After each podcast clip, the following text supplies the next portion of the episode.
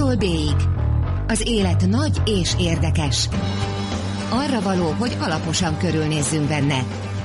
Gazda Albert és Lővenberg Balázs műsora.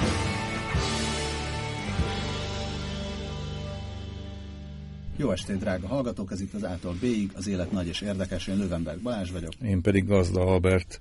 Ma egészen durvul a kampány. Igen, és ma esti vendégünk kell nem fogunk durvulni, ellenben nem meglepő módon nyilván április 8-áról fogunk beszélgetni, hiszen itt van a nyakunkon.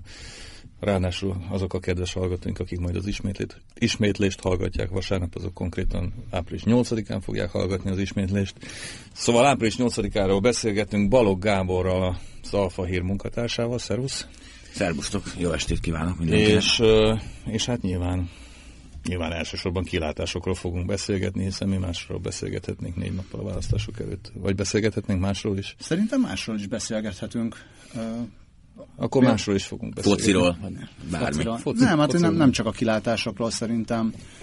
Ugye, múlt héten Lakner Zoltánnal beszélgettünk arról, hogy bizonytalanok a szavazók, bizonytalanok úgy tűnik néha a politikusok, bizonytalanok a politológusok, tehát a politika magyarázók, tehát mindenki nagyon bizonytalan. Még a közvéleménykutatók is bizonytalan. Igen, mi is néha bizonytalanok vagyunk, azok vagyunk Én csak már igazán. bizonytalan. Szóval szerintem ilyen bizonytalanságokról is lehetne beszélgetni Bizonytalanságról elsősorban. besz- is lehetne beszélni, persze. Meg hát elsősorban arról is lehet, vagy hát azért is van itt többek között Gábor, mert vele nyilván arról is tudunk beszélni, az Alfa Hír munkatársa lévén, hogy mi is az a jobbik most és merre megy. Na szóval, én nekem van egy durva kérdésem, és aztán onnantól kezdve majd megyünk, megyünk a könnyebbek felé. Azt mondtad, nem durvulunk. Azt mondtam, hogy nem durvulunk, és mégis De egy durva kérdésem. Láttátok a mai medián felmérést? Láttam. Nem láttam. Nem láttad még Meséljetek. Balázs a medián felmérést? nekem a Most mai jött ki délután, a mai medián felmérés 142. Százalék. 142 nem százalékot, de 142 darab mandátumot jósol a Fidesznek. Ennyi ugye Aha. még az első kétharmadkor se volt, az, az, ha jól emlékszem 137 volt, Mhm. vagy 6, mindegy, de lényeg az, hogy ennél azért lényegesebben, lényegesen kevesebb. És ugye pont Gábor, te is írtál egy cikket arról, hogy egyes közvéleménykutatók szerint hogy kb. 6-7 embert kell megkérdezni egy darab válaszhoz. Igen, ezt a cikket egyébként nem én írtam, hanem a napi.hu-n a Szabó Dániel volt. igen. írta, igen, és azt, azt szemléztem, meg raktam hozzá a saját észrevételeimet. Végre, ez az első felkiáltás volt bennem, amikor a napi.hu-nak olvastam ezt a cikkét, hogy végre így a kampány hajrájában már beszélünk arról, amiről egyébként a közvéleménykutatók úgy kulisszák mögött, meg négy szem közt, meg sör mellett úgy panaszkodnak most már hónapok óta, lassan fél éve, hogy de, de egyébként ezt úgy finoman titkolják, tehát nem nagyon beszélnek róla egyébként nyilvánosan. Most végre volt egy, egyrészt egy múlt hét keddi konferencia, meg aztán a napi.hu gondolom ennek hatására, vagy ezen felbuzdulva körbe kérdezett több intézetet, hogy akkor az ott elhangzottak mennyiben felelnek meg a valóságnak, és ami ott elhangzott meg, amiről panaszkodnak a kutatók, és amiről nem beszéltek eddig, az az, amit az előbb említettél, hogy ö, 10, maximum 20 százalék ember áll velük szóba. Tehát körülbelül 80-90 százalék semmit nem mond a maga párt preferenciáiról, és ez nem az, amit szoktunk a közleménykutatási diagramokban látni, hogy bizonytalan per nem válaszol. Ugyanis aki ebben a diagramban már benne van, aki bekerül ebbe, az legalább valamilyen szinten szóba állt velük. Ez a 80-90 százalék az, aki egyből rájuk csapja az ajtót, vagy a telefont. Azt hiszem a medián, azt hiszem a medián az, az 50 százalékról beszélt ebben a, ennek a felmérésnek az ismertetésében egyébként. Ez is, ez, ez is szerintem nagyon durva szám egyébként. Én azt gondolom, hogy a, a sötétben tapogatózunk, ebben a cikkben, amit én szemléztem, át is vettem a szemlébe is, elmondja, azt hiszem, hogy talán a Publikusnak az egyik kutatója, hogy főleg kisvárosokban érzik azt, ahol a Fidesznek ez a rendkívül agresszív, most már a miniszterelnök által is hivatalosan kodifikált fenyegető hangneme, amit ugye március 15-én a Amma bizonyos elégtétel képében hallhattunk képében hallhattunk 20 év képzavar volt, szóval tehát, hogy, hogy ennek az elégtételnek a formájában, amit beígértek nekünk, hallottunk. Tehát, hogy ez a kisvárosokban például borzasztóan erősen érvényesül, nyilván kisebb közösségekről van szó, nyilván jobban tartanak az emberek a, a valamiféle retorziótól vagy bosszútól, és ott még nagyobb, drámaian megnövekedett a, a válasz megtagadók aránya, de a medián is legalább 50%-ról számol be. Szóval én ezeknek a, a kutatásoknak nagyon kevés jelentőséget tulajdonítok. Szerintem most már abban a szakaszban vagyunk, amikor valójában nem tudunk semmit. Ez egyébként a választások felé közeledve szerintem mindig így szokott lenni, most pedig nem hogy hatványozottan, hanem köbre emelve van így ugrás sötétbe. Tehát április 800 lesz, semmit nem tudunk arról, hogy a magyar társadalom nagy többsége valójában mit gondol, és az még csak egy dolog, hogy mit gondol, de mit fog tenni. Uh, hát, Bocs, egy, egy ilyen abszolút mellékkérdés ti szóba állnátok közvéle, nem közvéleménykutatóval? Most nem olyan értelemben, hogyha ismerősötök, hanem... Húsz éve várom, hogy felhívjanak. Én, én, nagyon szeretném egyszer, én nagyon szeretném, ha felhívnának egyszer. Nem, soha nem hív. Egyszer hívtak fel, ami egy ilyen termékkutatás volt, és pont egy olyan terméket kutattak, ami abszolút nem esett az érdeklődési körömbe, és még abból is kimaradtam. Úgyhogy én szóba engem állnék, se, Engem se hívtak, abszolút persze. Én nagyon szívesen elmondom az összes preferenciámat. Csak szerintem mi olyan típusú emberek vagyunk, akik elég régóta abban, az a munkánk, életünk, életmódunk, hogy elmondjuk azt, hogy mit gondolunk. Szóval az emberek döntő többsége az még a politikánál is kevésbé jelentős kérdésekben sem biztos, hogy megszokta, hogy állandóan véleményt formálja, hát még a politikáról. És lehet, hogy végig se hallgatott, ez csak felhívnak, nem is értett, hogy miért hívtak föl, már végig se hallgatott, hogy miről van szó, és akkor el se jutsz odáig, hogy kiderüljön, hogy valójában a párt preferenciádra kíváncsiak. Annyit tegyünk hozzá, hogy mindig volt egy jelentős szám, tehát azért egy harmad minimum volt, aki nem ért rá, meg rossz időpontban hívták, meg eleve soha senkinek nem válaszol. Ez viszont ebben a cikkben is több intézet elismerte, hogy ez megnövekedett az elmúlt időszakban. Igen, drámaian, meg, drámaian megnövekedett. Hát ugye 2002-vel szokták összevetni, amikor szintén elég magas volt. Ez, Igen. a, ez, a, ez a szám, vagy ez az arány, már most pontos számukra nem emlékszem. És hát ugye akkor ez jelentősen mellé is mérték egyébként a, a dolgokat hogyha jól emlékszem, akkor konkrétan a 7 órakor az exit, első exit pollok alkalmából az egyik nagy kutatóintézet, vagy közöny kutató vezetője el is mondta, hogy hát az ő méréseik exit polljaik alapján egyébként 10%-kal nyeri a választásokat a Fidesz. De hát ez ugye nem egészen így történt. Tehát még az exit poll akkor, tehát amikor már ugye az, az exit pollok akkor készülnek, amikor kijön a szavazó a szavazófőkéből, tehát még akkor sem mondták el egyébként a preferenciáikat az emberek, legalábbis voltak x számúan vagy arányban olyanok, akik, akik inkább eltitkolták, illetve azt mondták, hogy a Fideszre szavaztak. Aztán ugye hát nem, hogy nem nyert 10%-kal a Fidesz, hanem egy 2%-kal veszített. Uh, Jó, tehát itt a zárójeles lábjegyzet vége. Bocsánat. A zárójeles lábjegyzet vége, igen, szívesen, egyébként szívesen elmondanám a preferenciáimat, most is szívesen elmondom a preferenciáimat egyébként, hogyha éppen arra van szükség, de előbb még azért beszélünk arról, hogy akkor ezek szerint nem számít a 142 Fideszes mandátum. Nem, Egyért, egyértelműen, nagyon-nagyon meg lennék lepve, hogyha ha, ha ez egy ennyire tiszta és brutálisan lefutott meccs lenne. Ezt ebben szinte biztos vagyok, hogy nem így lesz. Uh, ugye, hát én is másmilyennek láttam a kampánynak a dinamikáját, amiről viszonylag sokat szoktunk beszélni. Balázs, te milyennek látod a kampány dinamikáját? Te nem, végülis nem írsz minden nap politikai cikkeket, nem. sőt egyáltalán nem írsz politikai Nem tudok cikkeket. róla.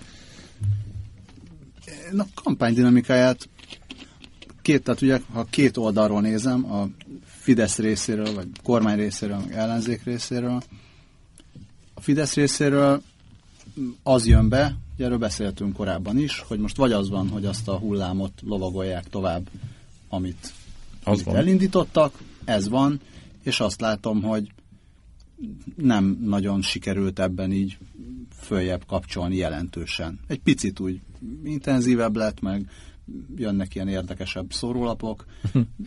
Egyre érdekesebb. Igen, de, de hát azért szórólap most, még... most hozzánk egy olyan szórólap esetben egyébként konkrétan ma délután, hogy Bona Gábor zsidó, és Zékárpád Dániel zsidó, és ezért ne szavazatok rájuk.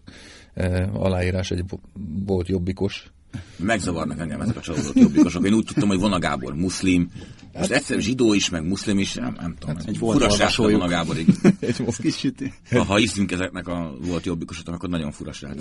Tehát, hogy ez, ez ez egy ilyen érdekes, még azt is mondanám, hogy akkor ez azt jelenti, hogy ott belekényelmesedett, vagy ilyen hmm. kényelmesen beleültek ebbe, és most, most hát így azért szörföznek ezen azért, a Azért nagyon nagyot pörögnek szerintem, tehát már még különösen helyszíneken, nem? Tehát azért Orbán Viktor is végig rohanja az országot. Ha, ha Orbán Viktor a mediánt ö, ö, olvasná, és akkor nem, rohangálna. Akkor nem rohangálna annyit. Tehát szerintem más felméréseket Valószínűleg nem rohangálna, így van. 14-ben nem rohangált ennyit, ha emlékeztek. Ugye, hát nem. 14-ben egyáltalán nem rohangált. 2002-ben rohangált, akkor is a két forduló között már. Mm. De egyébként ugye olyan elemzés is van, ezt meg a Török Gábor írta most, szintén azt hiszem mai, hogy szemmel látható, vagy hát az látható, vagy az figyelhető meg, hogy azokban a körzetekben egyébként Orbán Viktor nem nagyon fordul elő, ahol a becslések, felmérések, a korábbi eredmények, stb. azt valószínűsítik, hogy, hogy valószínűleg elveszíti. Tehát például nem csinál kampányt Angyalföldön, de egyébként például nem ment le Fenyvesi Zoltánhoz sem, hol van az ajkára. Szóval, hogy úgy volt, hogy, hogy nem megy. Hogy, hogy, hogy olyan, olyan körzetekbe megy, amit, amik, amik ilyen billegőnek, billegőnek vannak gondolva, és ugye ott ígér fűtfát, és hát tényleg a kampány hivatkozott dinamikája ugye számomra is olyan, hogy egyébként én azért látok itt, itt fokozást, de mondom tényleg lokálisan látom a fokozást, és egyébként az, hogy, hogy beleültek ebbe, az is egy érdekes kérdés, mert egyébként, hogyha emlékeztek, azért hódmezővásári után, is mert nem emlékeznek, tehát nem volt olyan régen, hódmezővásári után két napig, tényleg az volt, hogy akkor most vegyünk vissza a sorosozásból. Ez ugye nem csak az volt, nem csak az volt, hogy Bencsik András meg Bajer Zsolt az Echo TV-ben azt mondta, hogy, hogy annyira nem hülyék a Fidesz választói, hogy beszopják pardon, ezt a sorosozós dumát, hanem az a, az a, hogy is mondjam, körlevél, amiben egyébként a fideszesek föl lettek szólítva arra, hogy hát vegyet, mostantól nem soros, so, sorosozunk ezzel, szóval mindig bajom. E, e, arról ugye a Magyar Nemzet írt először, tudomásom szerint, és az tényleg létezett, tehát azt nem e, úgy találtuk ki, hogy volt egy ilyen izé, hanem tényleg egy-két napig úgy gondolták, hogy ezzel, ez, ebből vissza kell venni, de aztán a miniszterelnök úr vélhetően megfontolta azokat az elemzői szavakat, amelyek arra hívták fel a figyelmet, hogy a kampány záró szakaszában stratégiai változtatást nem lehet foganatosítani, mert az csak összezavarja a szavazókat, és ezért rátettek még egy lapáttal. Nem is tudom igazán értelmezni azt, hogy most mi a dinamika, de hogyha arról beszélünk, hogy az egyes résztvevőknek a, az energiái, vagy az energia szintje az, az így nő vagy csökken, én azt látom, hogy inkább az ellenzéki nem tudom mik, erők? Nem. ez, ez nagyon... Nem, lehet, hogy, lehet, hogy így lehet, hogy sok, tábor, sok azt mondja, táborok, tábor, táborok kis uh, csoportok. Szóval hogy az ellenzéknek az energiáit látom inkább nőni. Most az, hogy Igen. ezt mire használják, hogy arra, hogy összefogásról, ezt vagy a nem összefogásról, vagy ilyesmiről beszélnek, tehát hogy ők uh, látom azt, hogy energiát szereznek abból, hogy látják, hogy mik történnek, meg milyen milyen hírek jönnek, és a Fidesznél nem azt látom, hanem azt látom, hogy a, a maradék, tehát ami van még így a tank alján, így abból próbálnak még, hát, és, és abból próbálnak még pörögni, igen, de és a, lehet, hogy elég lesz. De a tematika arra, a Fidesz a 142-re. Tehát ugye Vona Gábor ugye próbálkozik azzal, ugye most elmondta azt, hogy mit csinálna áprilisban már, eh, ami itt-ott átment, máshol meg nem ment.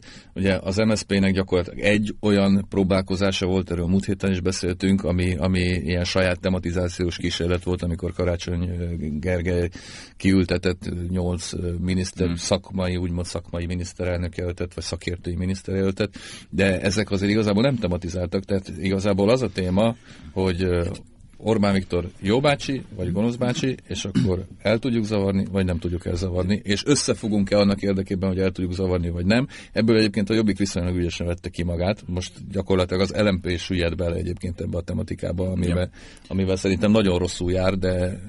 Igen, ők, ők kifejezetten eltaktikázták ezzel magukat szerintem. Miközben valószínűleg a, politikai értelemben vett, tehát ne legyünk naívak, de a politikai értelemben vett tiszta szándék valószínűleg vezette őket egyébként, hogy ők, ők szerintem korrekt megállapodást akartak kötni.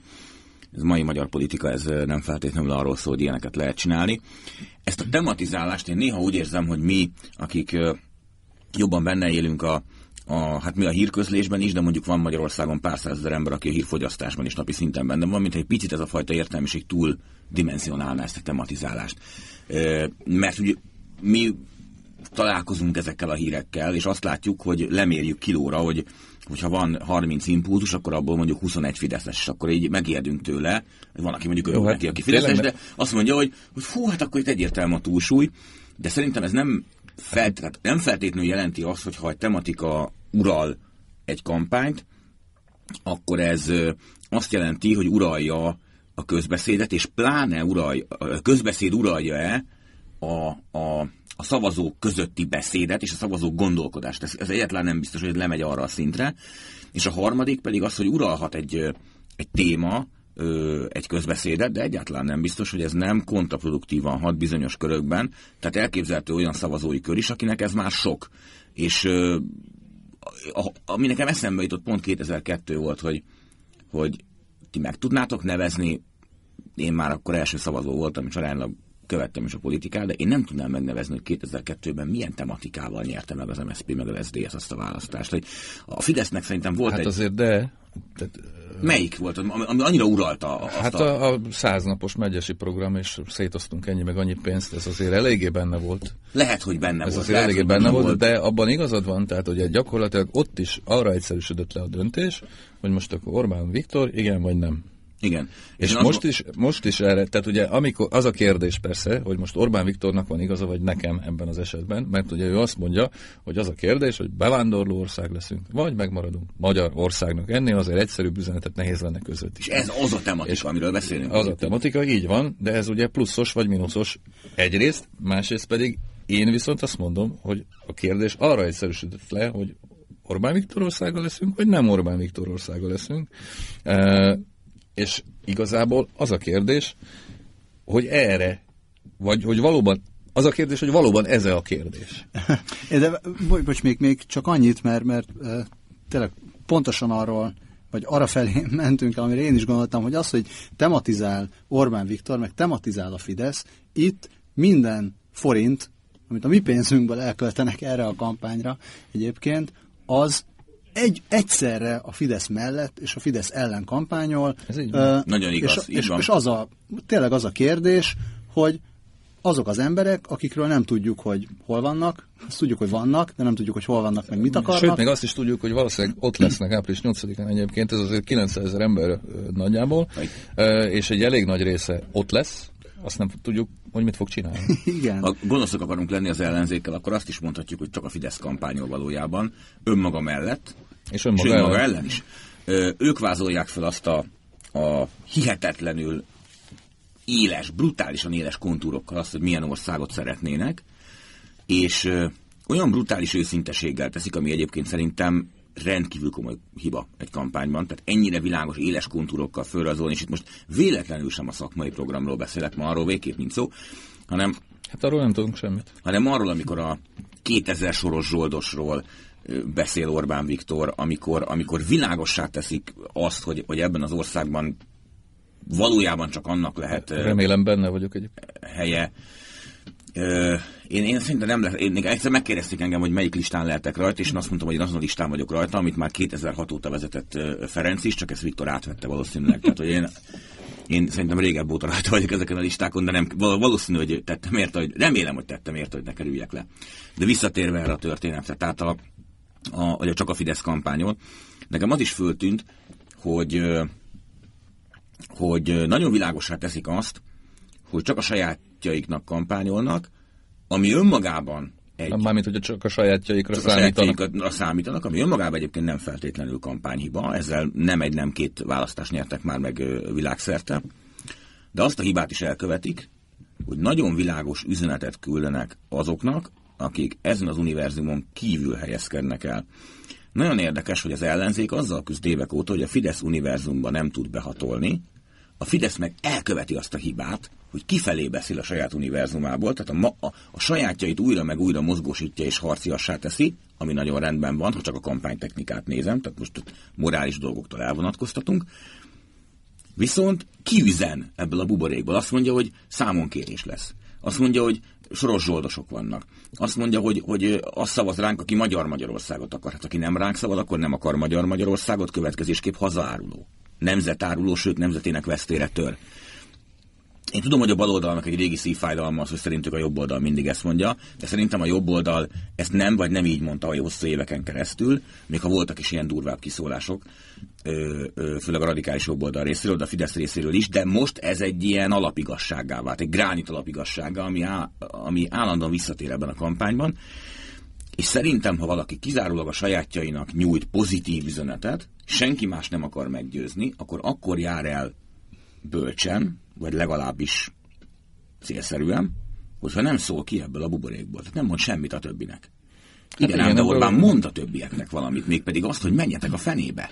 Körülbelül nagyon világosan, vagy és nem akarom úgy hát megfogalmazni, hogy Horn Gábor megfogalmazta annak idén Gyurcsányra, de, de körülbelül azt üzeni nekik, hogy hát, menjetek a bánatba. Meg, meg, meg keményebben egyébként. De... Dögöljetek meg, vagy nem tudom, tehát hát körülbelül ez, ezt, ezt üzeni. Hát meg igen, igen, igen. Hát meg azért ebben az is benne van, hogyha nem vagytok velünk, akkor tényleg ellenünk vagytok, Ellenünk és hogyha ellenünk vagytok, akkor lesz kapsz.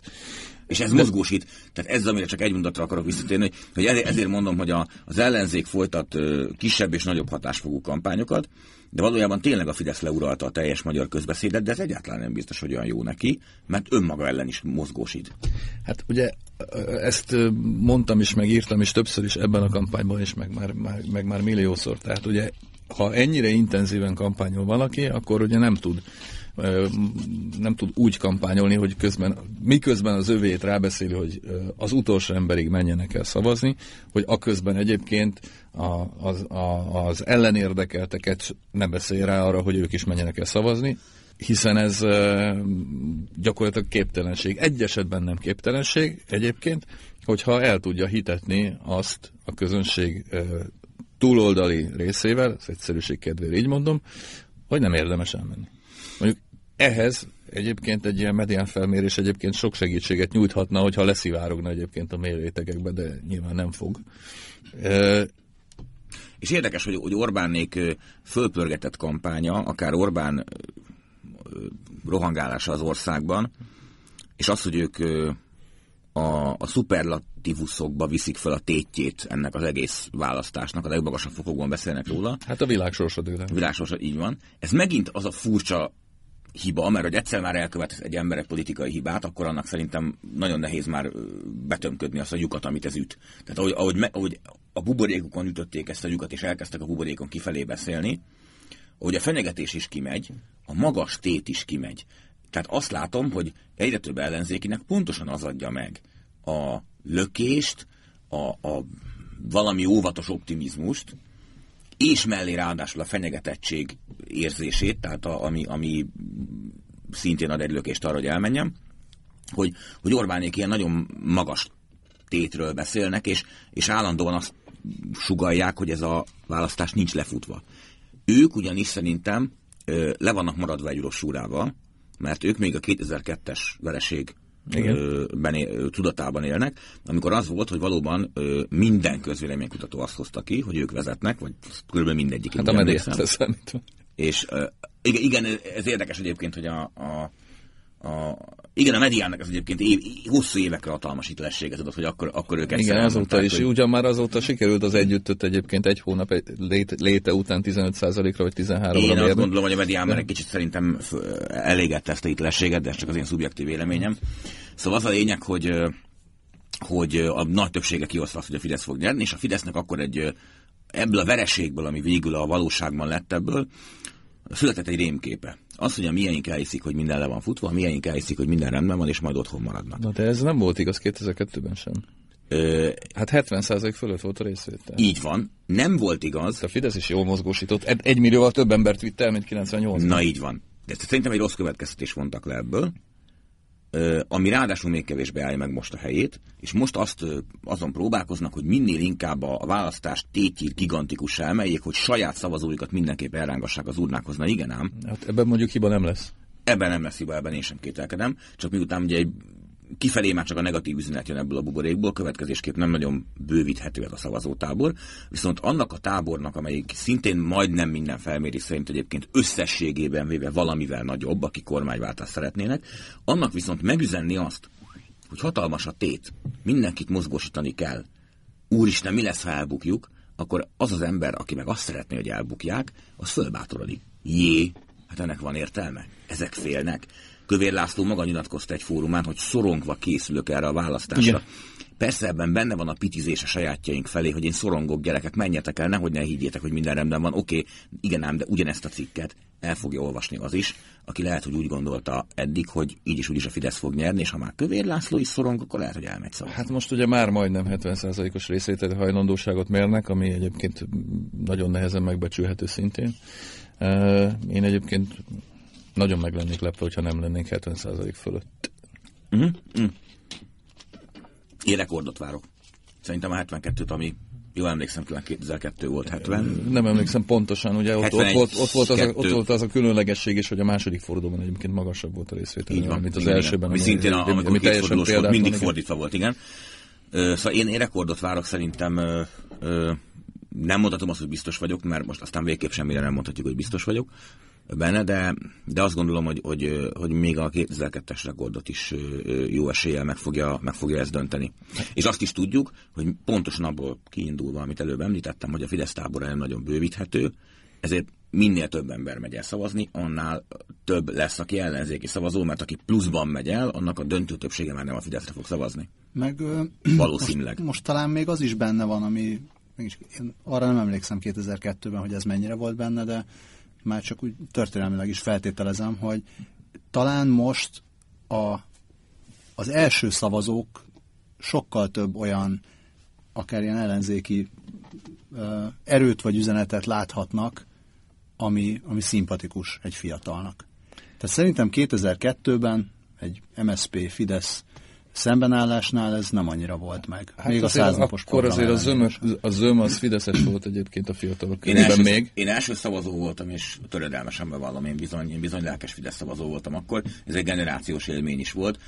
Érzelmi kötődésünk nem volt a Fideszhez. Én inkább arra emlékszem, hogy hideg bizalmatlansággal néztünk rájuk. Tehát én, én, én, én sose voltam, de azt gondolom, az a generáció döntő többsége nem volt igazán Orbán rajongó de, de egyértelmű, hogy talán, talán nem is generációs jellegzetességnek mondanám, hanem, hanem generációs evidenciának. Nekünk az volt, hogy, hogy ha már elmegyünk szavazni, és persze elmentünk szavazni, akkor teljesen egyértelmű volt, hogy a mi generációnknak a Fideszre kell szavaznia. Ez nagy többségében így volt. De, de érzelmi kötődés egyébként keveseknél volt szerintem. Most abban igazad van, hogy vannak legalábbis nagyvárosi, és talán még ez is túl megengedő, mert inkább fővárosi fiatal tömegek, akiket nagyon aktívan meg tud mozgatni most ez a kampány, illetve általában az ellenzéki állásfoglalás, ami nem feltétlenül van a, a szó szerint vett választási kampány összefüggésben, de azért látjuk, hogy arra nem volt például 16, 18, 19 éves srácok ezrével menjenek utcára. Most ez megtörtént. Itt az a kérdés, hogy egy Szabolcsi vagy Zalai faluban ugyanezek a korú fiatalok mennyire fognak megmozdulni és, és, és egyáltalán ezt nem tudjuk. bármi, és ezt nem ezt, tudjuk. Ezt nem tudjuk, és azt sem tudjuk egyébként, hogy mondjuk a terelés és a szervezés és az állampolgárok urnákhoz segítése például, hogy fog működni a Fidesz esetében, amivel egyébként a többit párt például nem fog tudni élni, mert nincs meg hozzá a szervezettsége. Ez így van, ez így van. Ugye, hát ez nem egy fővárosi probléma. Így van. És nem véletlenül törölték azt a jogszabályt, amelyik tiltotta annak idején a buszosztatást, tiltotta az urnákhoz szállítást, tiltotta az utolsó napon folyó kampányt. Hát kampánycsodod most ugye nincs. Nincs, így van. Viszonylag keveset beszéltünk még arról, hogy mi a jobbik. Viszonylag keveset, és ráadásul még egy, lépés, ráadásul még egy lépés van odáig. Szerencsére azért még nem vagyunk az adásidő utolsó percében, ellenben ugye arról már beszéltünk, hogy nem számítunk 142 Fidesz mandátumra, eh, hanem sőt, én személy szerint még 99-re számítok. De, a proféta demerész, demerész vagyok. A proféta Demerész vagyok. Ellenben, uh, te mire számítasz? Hogy én? Uh-huh. Uh, Hogyha csak úgy tippelgetni uh-huh, Tippelgetni kéne? Én egy, én egy rettenetesen szoros eredményre számítok. Én arra számítok, hogy ott fogunk, nagyon rá fogunk tapadni a tévére, rádióra, internetre. Hát mondjuk biztos. De úgy értem az utolsó pillanatig. Tehát voltak olyan választások, ahol azért már mindenki tudta, hogy ki, ki lehet kap, át lehet kapcsolni valami érdekesebbre, és tudjuk, hogy mi történik, és ez nagyon sok ilyen választás volt. És talán a 2002-es volt az utolsó, ahol, ahol, ahol, nagyon, ahol nagyon sokáig kellett nézni. Hát hiszen a 2006-os is szoros volt. És a 2006 Illetve hát a, a végén már nem. Á, a végén már nem. Én, én, én, én, én, én, nagyon hamar emlékszem arra, kikapcsoltuk azt a tévét. Én azt gondolom, hogy most lesz az, amikor a, a, a, a választási műsorkészítők álma lesz, tehát mindenki végig fogja nézni, szerintem irgalmatlanul lesz. Én, én arra számítok, hogy, hogy miután van két tendencia, és próbálom a, az úgynevezett wishful thinkinget ebből kikapcsolni a vágyvezérelt gondolkodást. E, nyilván senki nem könnyű. Nem könnyű, nem könnyű, és nyilván senki nem tudok, hogy ha én az alfa dolgozom, akkor, akkor nem vagyok kormánypárti. Viszont ha racionális, két, két fontos tényezőt és dk sem. És, hogy? És dk sem. Nem, valószínűleg nem. Valószínűleg nem. Nem, nem kísértett még meg az elmúlt években ez a gondolat. Viszont az a helyzet, hogy van két olyan tényező, amit még hogyha megbízhatatlannak is tekintjük a közleménykutatókat, mert én alapvetően tekintem nem őket, hanem az eredményeiket, a mostani eredményeiket. A mostani eredményeiket, így van. Akkor is a tendenciák szintjén látszik két dolog. Az egyik, hogy növekszik a részvételi hajlandóság, és előbb beszéltünk arról, hogy ez miért az ellenzéknek Hát az egyértelműen növekszik, igen. És miért nem a Fidesznek kedvez? Másrészt pedig volt szintén egy nagyon érdekes felmérés ma, ami szintén nem mondanám azt, hogy a számok megbízhatóak ebben a tekintetben, de a tendencia egyértelmű, ugrásszerűen egyetlen hónap alatt megnőtt a taktikai szavazásra hajlamos és hajlandó Igen. szavazók száma, olyanok száma, akik listán máshol fognak szavazni, mint egyéniben, mert egyéniben nem azt a pártot látják esélyesnek, akire listán szavaznak, és hajlamosak, hajlamosak vagy hajlandóak, ez egy két külön fogalom, itt ezért óvatosan fogalmaznék, de egyre jobban hajlanak arra, egyre többen, hogy az esélyes ellenzéki jelöltre szavazzanak, az pedig az elmúlt hetekben már evidencia, hogy az ellenzéki győzelem, vagy a fideszes vereség, és ez az utóbbi talán még jobb fogalom erre, hogy a, fideszes vereség fő feltétele az az, hogy az emberek képesek legyenek megosztani a szavazatukat, és az esélyesebb ellenzék életet támogassák. Na most, ha ezt a kettőt én összerakom, akkor racionálisan is ö, azt lehet látni, hogy szerintem napról napra, sőt óráról órára növekszik az esélye annak, hogy a Fidesz elveszíti a többségét, és én arra számítok, hogy szűken, de el fogja veszíteni ezt a többséget. Hát. Összeomlásszerű vereséget ne, ne, nem számítok. Érdekes, hogy már ilyen véleményt is hallottam egyébként, aki azt mondta, hogy ez ilyen kollapszisszerű lesz, mert hogy annyira nagy lesz a meglepetés.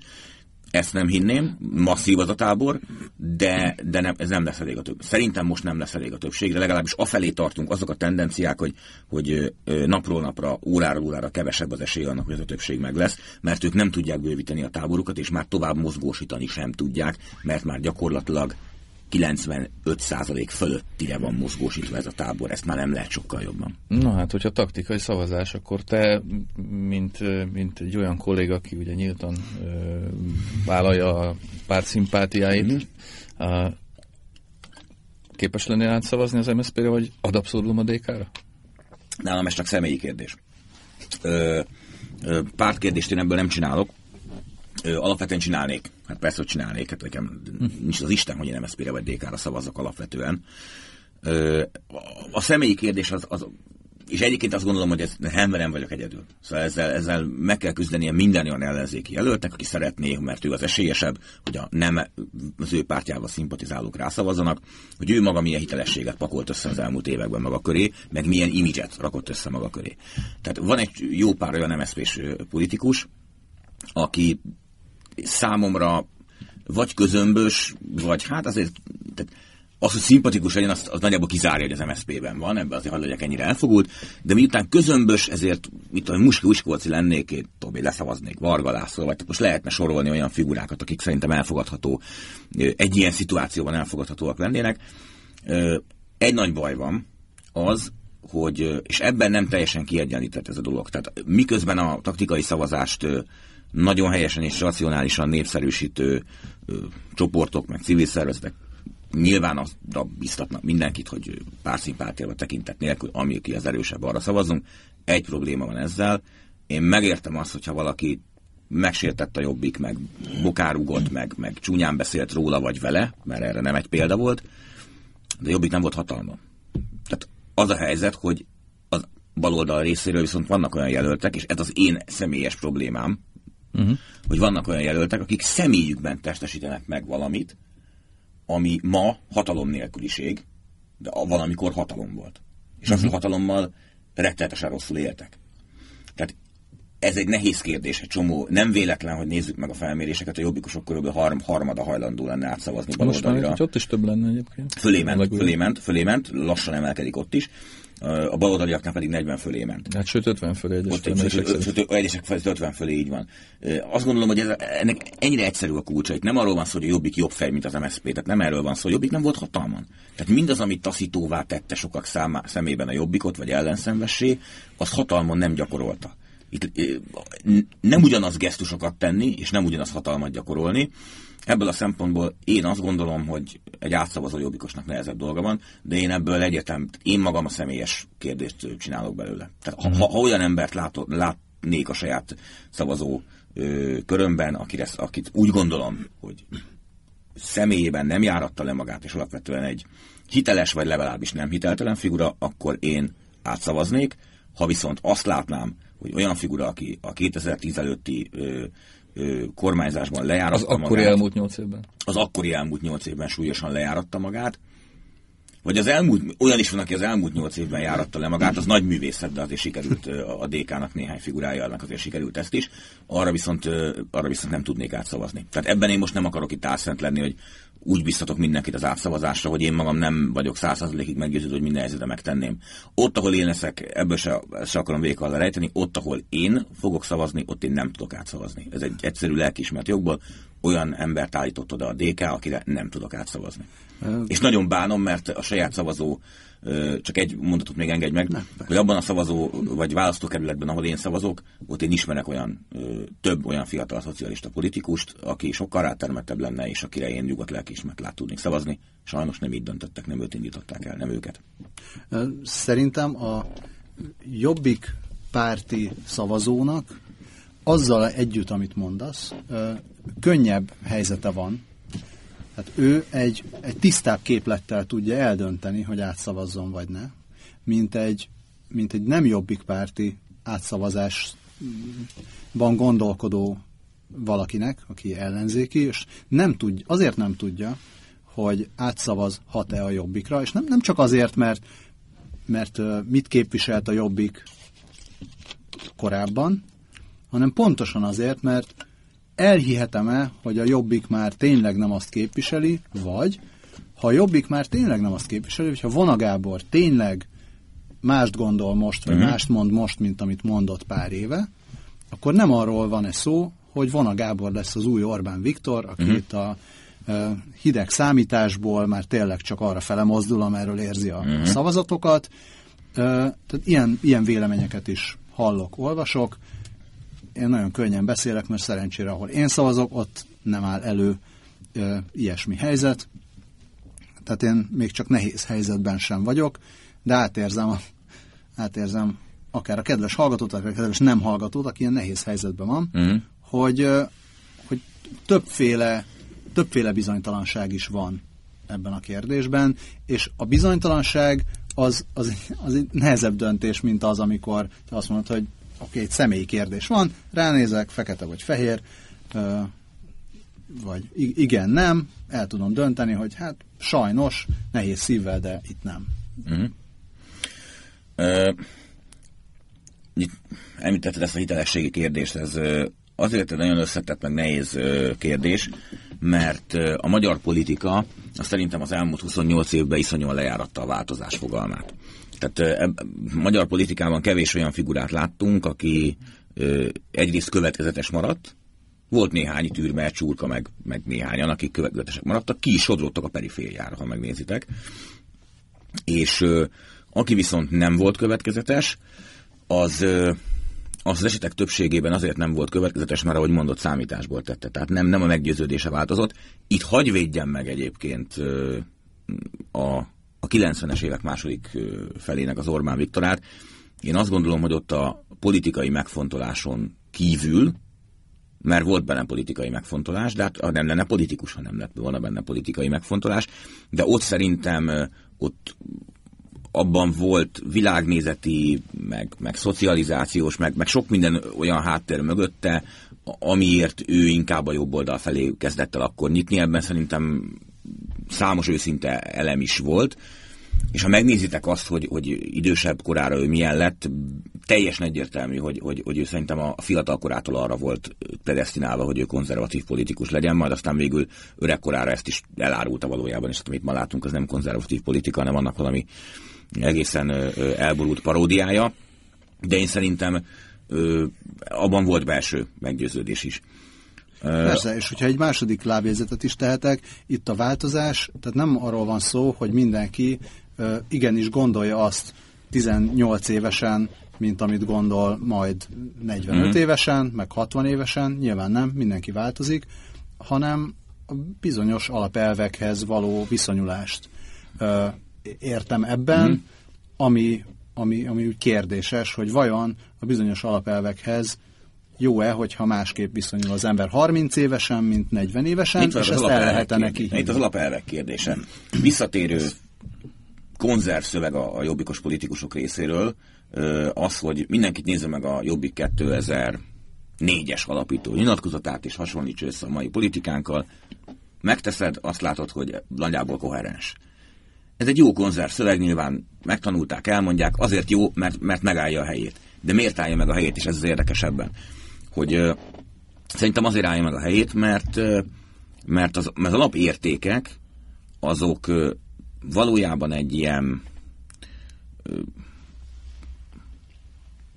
hogy mondjam, most kicsit csúnyán akarok fogalmazni, pedig jó, jó volna, ha lenne ilyen magyar párt, meg jó, hogy most már alakul egy ilyen párt, egy egységsugarú, egy konzervatív pártról beszél. Nézzétek meg az alapító nyilatkozatot, ez egy keresztény konzervatív párt, semmi extrával. Ez egy következetesen keresztény konzervatív program, amit Magyarországon sok párt már próbált képviselni, és a Jobbik azt mondta, hogy ezek a pártok hitetlenül képviselték, vagy, vagy bénán, vagy hitetlenül, vagy korrupt módon, vagy következetlenül, és mi majd ezt következetesebben képviseljük.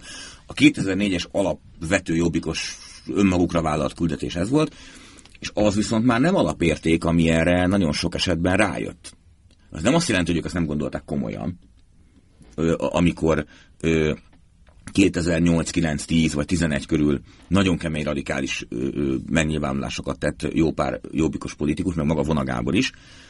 De ez nem alapérték kérdés, mert alapérték kérdés az például, hogy hogy mit tudom én, hogyan, hogyan beszélünk mondjuk a, a cigány kérdés, az, az egy alapérték kérdés. Persze, abban alapérték persze, hogy egy bizonyos határt nem kéne átlépni, meg az is alapérték kérdés, hogy a másik oldalra sem lengünk ki, és nem tabusítjuk.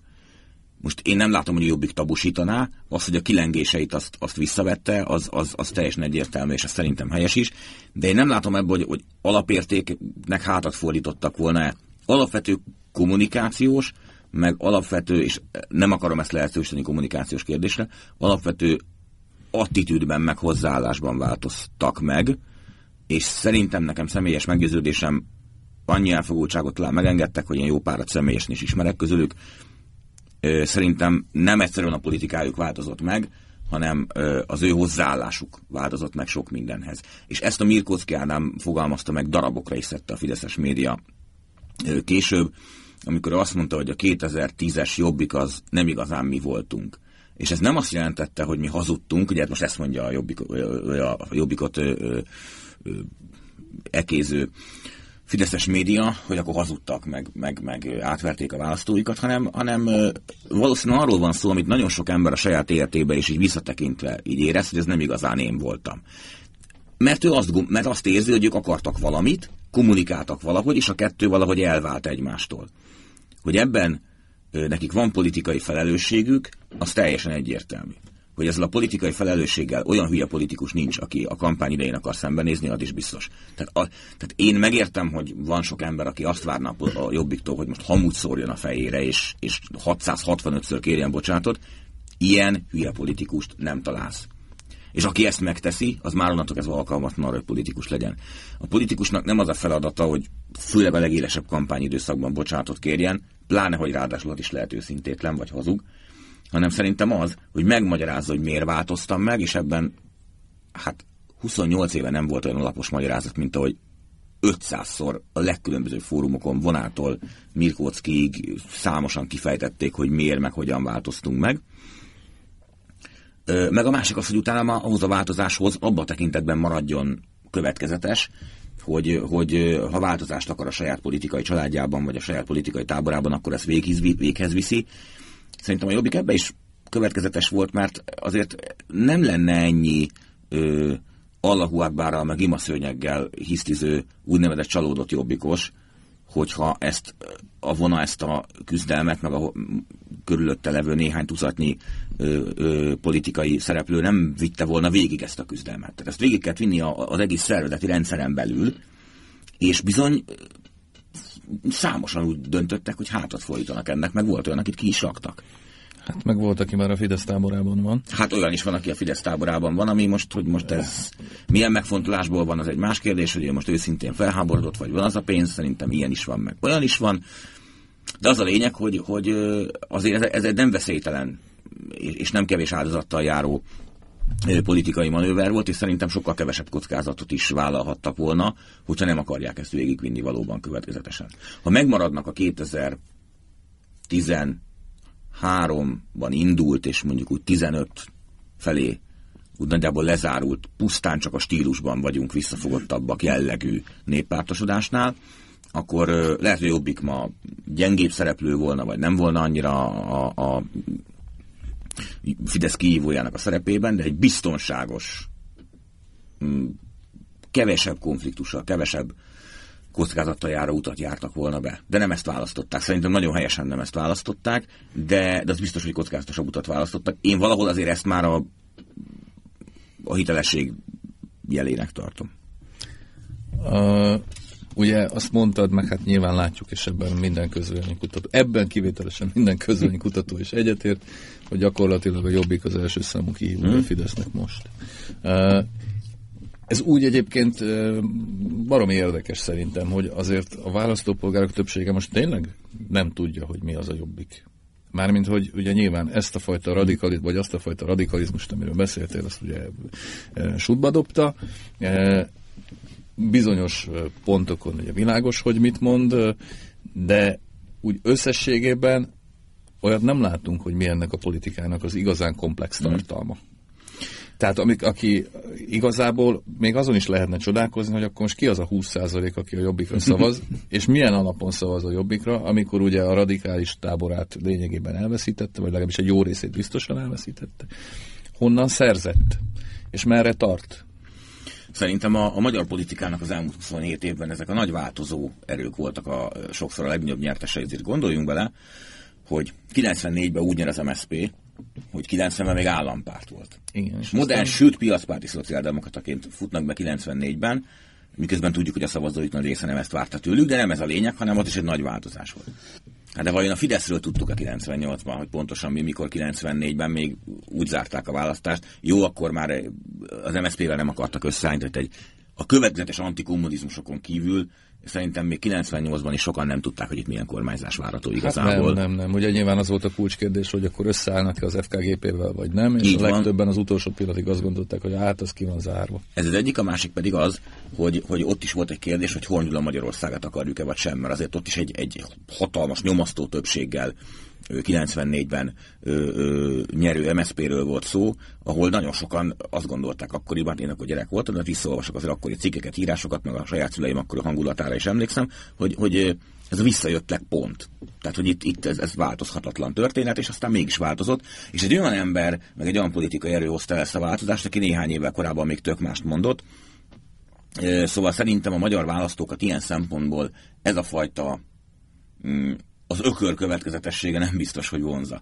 Tehát önmagában nem taszítja el választókat az, hogyha valaki megváltoztatja a véleményét, ha ezt hitelesen tudja előadni, és egyébként szerintem, ha most megint azt mondom, hogy minden morális szempontot félreteszek, akkor emlékezzünk vissza, szerintem Hongyula is nagyon hitelesen tudta előadni, hogy ő már nagyon reformista és nagyon demokrata 94-ben, és Orbán is nagyon jól tudta előadni 98-ban, hogy, hogy ő már egy ilyen óvatosan konzervatív irányba nyitó antikommunista politikus.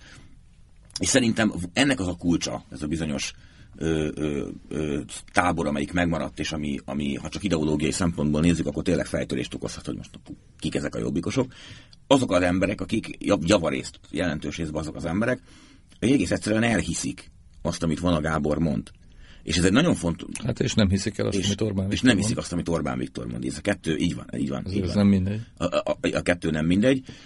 Ö, itt megint más kérdés a jobbik kosok, meg a jobbikra szavazók, szerintem ez most már egy egészen más halmaz lesz, tehát ebből nyilván egy unió halmaz is van, illetve egy kisebb halmaz, meg egy nagyobb halmaz, sose voltam jó matekból ilyen téren, szóval van egy kisebb halmaz, aki jobbikos, és van egy, egy valószínűleg ennél jóval nagyobb halmaz, aki majd, aki majd jobbikra szavaz.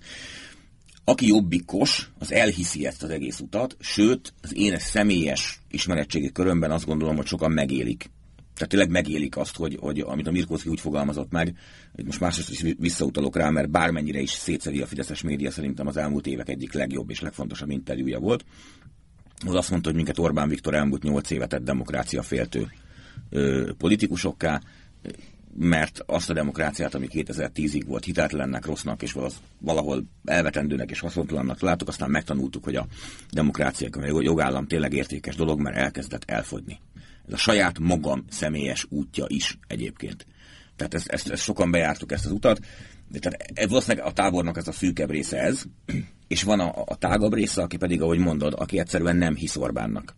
És akar látni egy erősebb, elfogadható vezetőt. Nézzétek meg, hogy Vona Gábor személyes népszerűsége az ö, ö, stagnál, és nem olyan magas. Tehát a, a jobbiké jóval magasabb. Azt mondják erre a srácra, hogy amit mond, az jó. Az úgy rendben van, nem tudjuk még kicsoda, elfogadható. Egy a lényeg, hogy Orbán Viktor nem maradjon itt a, nyakunkon. Tehát a belső mag, az, mit tudom én, 800 ezer vagy 1 millió ember, vagy talán még ennél is kevesebb, az azt mondja, hogy, hogy megélem ezt az utat, amit van a Gábor bejárt. Nagyon helyeslem, hiszek neki, hitelesnek tartom, és van egy, egy, jó, egy, egy nagyobb külső ö, ö, tábor, vagy egy ilyen szatellit, aki ott mozog a jobbik körül, és nem tudjuk, hogy ebből mennyi csapódik majd le az urnákba szavazatként, aki azt mondja, hogy, hogy, hogy nincs semmi baja tulajdonképpen azzal, amit az ember mond, viszont azon nagyon sok baj van, amit Orbán Viktor mond. No hát, no, arról, hát arról, hogy milyen Magyarországot csinálna a Jobbik, arról talán máskor fogunk beszélni.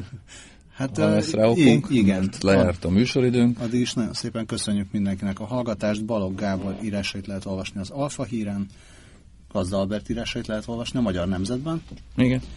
És hát minket lehet hallgatni szerdánként este 8-tól, az ismétlést vasárnap hajnali 5-től, amennyiben úgy alakulnak a választások, és Albert mégiscsak benne van a néven számon tartott 2000 soros között, és elszámoltatás lesz, akkor, akkor nem leszünk, de, de, de remélem, hogy azért még leszünk.